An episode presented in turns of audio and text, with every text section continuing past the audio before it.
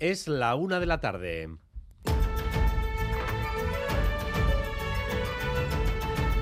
Crónica de Euskadi con Dani Álvarez. A León, dos estudios han confluido esta semana para poner sobre la mesa el nivel salarial de Euskadi. Ayer fue el que apuntaba los sueldos medios de los recién graduados en la universidad, en torno a 1.600 euros al mes. Y hoy la guía salarial del Grupo Mondragón, que nos dice que los trabajos mejor pagados son los del ámbito digital.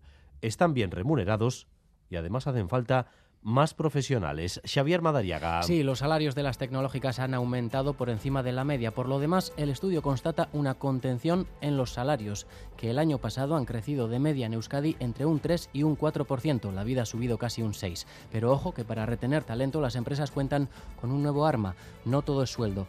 Cuando se da la opción del teletrabajo hay puestos que son mucho más atractivos. Y la consejera Arancha Tapia ha entrado hoy a este tema, diciendo que hay que pagar sueldos justos, sí, pero que no puede contar solo el sueldo, que la calidad de vida también tiene que medirse.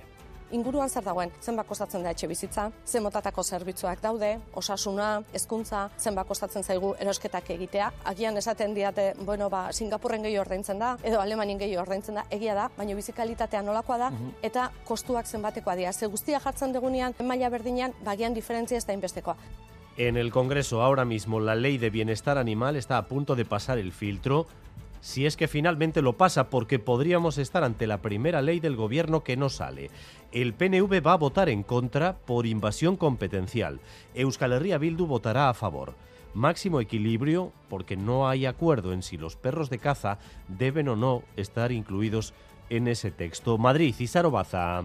Sí, la votación aún no ha comenzado, pero si todo va según lo previsto, la ley de bienestar animal saldrá adelante. Unidas Podemos ha dado el brazo a torcer, aunque los perros de caza no estén incluidos finalmente en la norma. Esquerra y Bildu también votarán a favor, aunque consideran que la ley se queda corta. PP, Vox y PNV votaron a favor de que los perros de caza se sacaran de la norma, pero hoy votarán en contra. Los yelzales no la apoyarán, argumentando invasión competencial. La ley de bienestar animal, en principio, está a salvo, saldrá adelante, pero hoy también se vota la ley orgánica de maltrato animal y en este caso los votos están muy ajustados, no está garantizado que se apruebe. Se agota el tiempo en Turquía y en Siria. 72 horas después encontrar supervivientes empieza a ser ya algo milagroso. El número de fallecidos se ha elevado hasta los 17.000. Toda una generación va a quedar marcada por este terremoto. Hay iglesia. Pasan las horas y cuesta encontrar supervivientes, pero los equipos de rescate locales y los desplazados allí se agarran a esa esperanza y siguen trabajando a destajo. En las últimas horas se ha producido uno de esos milagros.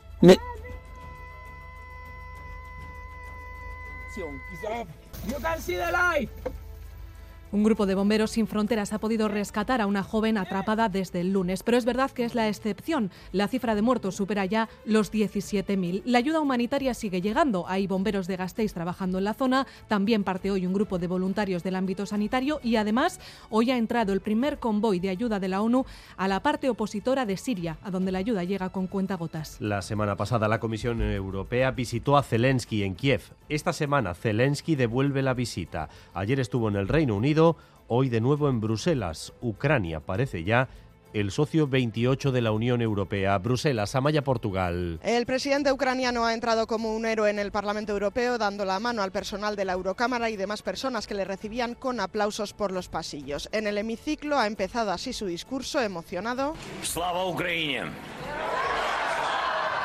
Y ha remarcado que luchan contra el país más antieuropeo, repitiendo una y otra vez que los valores de Ucrania son los de Europa. Zelensky está ya en el Consejo, reunido con los jefes de gobierno de los 27, es para lo que ha venido, para pedir aviones de combate y misiles de largo alcance.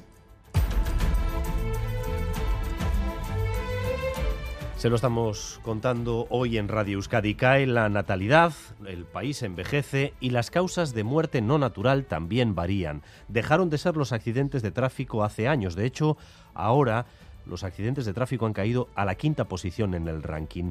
La principal causa de muerte son las caídas. Laida Basurto. Eso es, antes eran las muertes por accidentes de tráfico, en 2006 los suicidios tomaron la delantera y ahora las caídas accidentales lideran el ranking de causas externas de fallecimiento. 169 personas fallecieron por caídas en Euskadi en 2021, 148 por suicidios. Después se sitúan las muertes por ahogamiento y sofocación por no poder tragar, por ejemplo. Y en cuarta posición, el envenenamiento accidental por psicofármacos y drogas de abuso. Las muertes en carretera han caído al quinto puesto. El Museo Guggenheim inaugura su primera gran exposición de 2023. Es un monográfico sobre el pintor catalán Joan Miró. Recoge más de 80 obras creadas entre los años 1920 y 1945. Juan Ignacio Vidarte, director de Guggenheim Bilbao un periodo fundamental eh, que empieza con la primera visita de Joan Miró a París y acaba al acabar la Segunda Guerra Mundial, cuando después de haber realizado sus constelaciones. Él hace esta serie de obras en gran formato, sobre fondo blanco, desarrollan y consolidan su lenguaje de signos. Y vamos también con lo más destacado del deporte, con Álvaro Fernández Cadierno, a Rachaldeón Álvaro. Hola Rachaldeón, con poca competición, de hecho solo juega John Ran, el de Barrica, debuta esta tarde en el, en el Open de Phoenix de golf, cerquita de su casa en Estados Unidos, en busca de su tercer torneo del 23. Además tenemos a Vasconia rumbo a Kaunas, juega mañana, y Eukene Larrarte y Etania Calvo en la prueba de persecución de los mundiales de pista cubierta que se disputan en Suiza. La Tolosarra ganaba ayer la plata en Scratch, así que a ver si hoy nos vuelve a dar una alegría. A esta hora cielos despejados, aunque de cara a la tarde podrá aumentar algo la nubosidad. De hecho, no se descarta que puedan darse precipitaciones débiles en la costa. A esta hora tenemos 12 grados de temperatura en Donostia, 10 grados en Bilbao, 10 grados en Bayona, 6 en Pamplona y 4 en Vitoria-Gasteiz. Gracias un día más por elegir Radio Euskadi y Radio Vitoria para informarse. Raúl González y José Ignacio Revuelta se encargan de la dirección técnica, a Itziber Bilbao de la coordinación. Crónica de Euskadi con Dani Álvarez.